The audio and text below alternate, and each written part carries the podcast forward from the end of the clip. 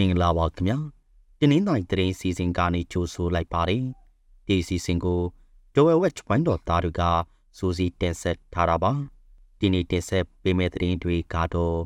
တင်းနှင်းသားကြီးကထုတ်ခါမော်တော်လှမ်းပိုင်းဖြတ်တန်းသွားလာသူတွေကိုသတိပေးထားတဲ့အကြောင်း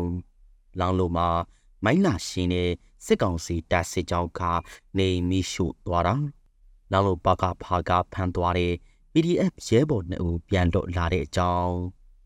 စစ်ကောင်စီတပ်ကတဲချောင်းမျိုးနဲ့မိတက်ရွာကိုဝင်ရောက်ရှာဖွေပြီးစိုက်ကယ်နဲ့ရွှေငွေတွေယူဆောင်သွားတဲ့အကြောင်းမော်ဖီနယ်ကထွေအုပ်တူဦးစင်းမှုကိုကျန်းပက်ဥပဒေတွေနဲ့အမှုဖွင့်ခဲ့တဲ့အခြေအနေရမြောက်က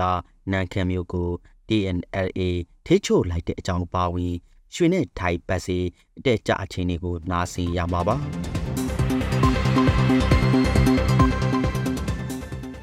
စစ်ရေးတင်းမာနေတာကြောင့်တင်းနှင်းသာရီမျိုးနယ်တဲကထိုခါမော်တော်လမ်းပိုက်ကိုဖြတ်တန်းသွားလာသူတွေတတိထားချဖို့တောင်ပိုင်းညီနောင်စစ်ကြောင်းကတတိပေးလိုက်ပါတယ်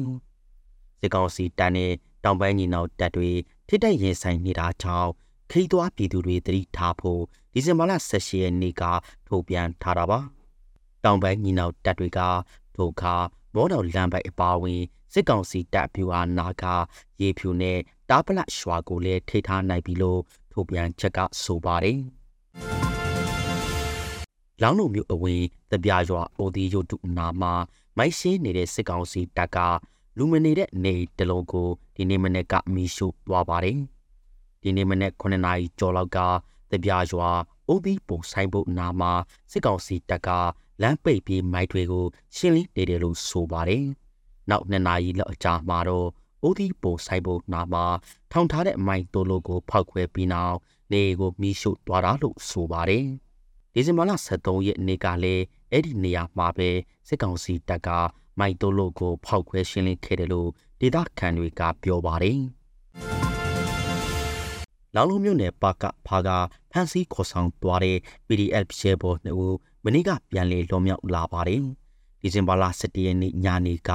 တဝက်ခိုင်ပြည်သူ့ကာကွယ်ရေးတပ်မတော်အမှတ်နဲ့တိုင်ရင်ကရဲဘော်သားကြီးနဲ့လောင်လုံးမြို့နယ်ပါကဖလက်အောက်ခံမော်ဘလွေတက်စုကရဲဘော်ရှိခဲကိုလောင်လုံးမြို့နယ်ပါကဖအဖွဲ့ကဖမ်းဆီးခဲ့တာပါ။လောင်လုံးမြို့အဝင်အိုသေးရုပ်ပုတ်အနာမှာလောင်လုံးပါကဖကထောင်ထားတဲ့မိုင်းကြိုးကိုရဲဘော်သားကြီးကဖြတ်ပင်းပြီလို့ နောက်တို့ပါကပါတောင်းရင်ခံမမကြီးနဲ့ငကားမင်းကဖန်စီထေးသေးခဲ့တာလို့ဆိုပါတယ်။အဲဒီနောက်လောင်းတို့ပါကဖရှိရာတပြားရွာအထိလိုက်သွားပြီးရဲဘော်နှစ်ဦးကိုပြန်တောင်းတဲ့ဝဘလွေတက်စုကိုလောင်းတို့ပါကဖက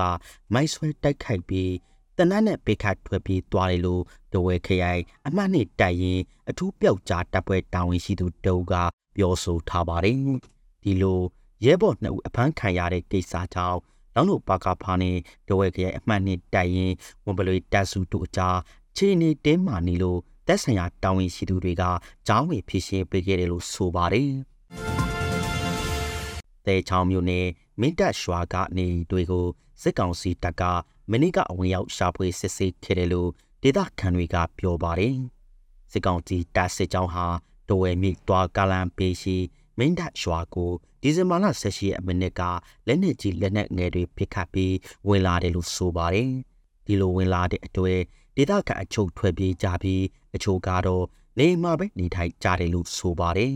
။စစ်ကောင်စီတပ်သားတွေကလူမရှိတဲ့နေအိမ်တွေကိုရိုက်ဖျက်ပြီးဝင်ရောက်ရှာဖွေခဲ့တယ်လို့လူရှိတဲ့နေအိမ်ကအိမ်သားတွေကိုအပြင်ထွက်ခိုက်ပြီးဝင်ရောက်ရှာဖွေခဲ့တယ်လို့ဆိုပါတယ်။နေတွေကိုရှာဖွေပြီးနောက်မှာတော့ စိုက်ကယ်လေးစီးနဲ့ရွှေငွေတွေယူဆောင်သွားချတယ်လို့ဒေသခံတွေကပြောပါတယ်။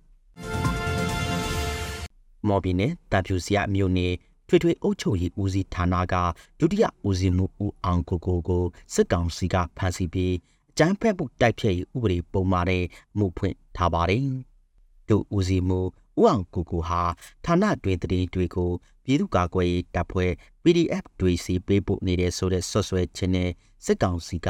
ဒီဇင်ဘာလ15ရက်နေ့မှာဖမ်းဆီးခဲ့တာလို့မြို့ကန်တွေကပြောပါတယ်။သူကိုတန်ပြူစီရတန်နေဝက်ကလိစီဂျော်ရီစခန်းမှာဖမ်းဆီးစစ်ဆေးပြီးဒီဇင်ဘာလ18ရက်နေ့မှာတော့ထောင်ဒဏ်တစ်သက်အထိချမှတ်နိုင်တဲ့ကြမ်းဖက်မှုတိုက်ဖျက်ရေးဥပဒေပုံမှန်နှစ်ခုနဲ့ရဲစခန်းမှာအမှုဖွင့်ထားတယ်လို့ဆိုပါတယ်။နိုဝင်ဘာလအကုန်ကတန်ထူစီယာမြို့ခံတဲဦးကိုလက်နက်ခရမ်းနဲ့အတူဖမ်းမိပြီးနောက်မှာတော့စစ်ကောင်စီတပ်ကမြို့ခံတွေကိုလိုက်ဖမ်းနေတာလို့ဆိုပါတယ် ဒီလိုအဖမ်းခံထားရသူတွေထဲကလက်နက်ခရမ်းနဲ့အတူအဖမ်းခံရတဲ့ဆိုတဲ့ဦးမြတန်းနဲ့ဦးမင်းမင်းတို့ဟာစစ်ကြောရေးစခန်းမှာတေဆုံတွားပြီးဆိုတဲ့တရေတွေလည်းထွက်ပေါ်နေပါတယ်ဒါပြင် PDF ကိုထောက်ပံ့တဲ့ဆိုတဲ့ဆွဆွဲချက်နဲ့ဆောက်လုပ်ရေးပစ္စည်းအယောင်းဆိုင်ပိုက်ရှင်ရဲ့နေပိုက်ဆိုင်မှုအပါအဝင်မြို့ခံနေငါးလို့တဲ့မနေကိုလည်းချိတ်ပိတ်ထားတယ်လို့ဆိုပါတယ်။နိုင်ငံရေးကျင်းသားများကူညီစောင့်ရှောက်ရေးအသင်း AAPP ရဲ့ထုတ်ပြန်ချက်အရစစ်တပ်အာဏာသိမ်းပြီးနောက်ပိုင်းမော်ဘီနယ်မှာဖမ်းဆီးခံရသူ100ကျော်ရှိနေပါတယ်။ရှမ်းပြည်နယ်မြောက်ပိုင်းနန်းခမ်းမြို့ရှိစစ်ကောင်စီတပ်စခန်းအားလုံးကိုသိပ်ပိုက်ပြီးမနေ့ကတော့မြို့ကိုအလုံးစုံထိချုံနိုင်ပြီလို့ TNLA ကထုတ်ပြန်ထားပါတယ်။နိုဝင်ဘာလ19ရက်ကနေဒီဇင်ဘာလ19ရက်ထိ32ရက်အကြာတိုက်ခိုက်ပြီးနောက်မှာတော့ စစ်ကောင်စီတပ်စခန်းတွေကိုသိမ်းယူနိုင်ခဲ့တာလို့ဆိုပါတယ်။နိုင်ငံမြို့ရှိစစ်ကောင်စီစခန်းတွေဟာအင်အား900နီးပါးရှိတဲ့စကခ9နဲ့လောက်ခံတပ်တွေစခန်းချထိုးစစ်ဆင်နေတဲ့စခန်းတွေဖြစ်တယ်လို့ဆိုပါတယ်။တိုက်ပွဲကာလအတွင်းစစ်ကောင်စီတပ်ဘက်က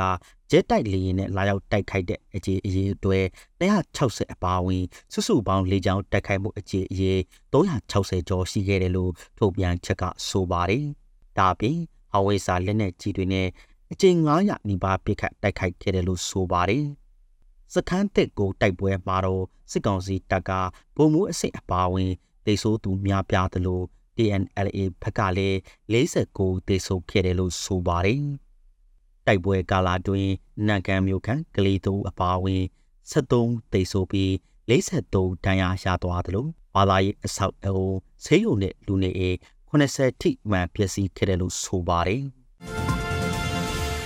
အောက်ဆိုတပုတ်အနေနဲ့ရွှေနဲ့ပတ်စီအတဲကြအခြေအနေကိုပြောပြသွားပါမယ်။ဒီနေ့တဝဲဈေးကွက်မှာအခောက်ရွှေတကြသားကိုကျ2000ဈေးတက်လာပါတယ်။မနေ့ကရွှေတကြသားကို39သိန်း9000ကျဈေးဖွင့်ထားရကဒီနေ့မှာတော့39သိန်း9000ကျဈေးဖွင့်ထားတာပါ။ ပါစီကတော့မြင်နေပြီးမြန်မာငွေတသိန်းကို1025ဘတ်ပေါက်ဈေးရှိနေပါတယ်။ခုလိုနားဆင်ပေးရတဲ့အတွက်ယေရှုအထူးတင်ရှိပါတယ်။မြန်မာနိုင်ငံသားများကပ်ပေးပေါင်းကနေအများဆုံးလွန်မြောက်နိုင်ပါစေလို့ Dwell Watch ဝိုင်းတော်သားတွေကဆုမောကောင်းတောင်းအပ်ပါတယ်ခင်ဗျာ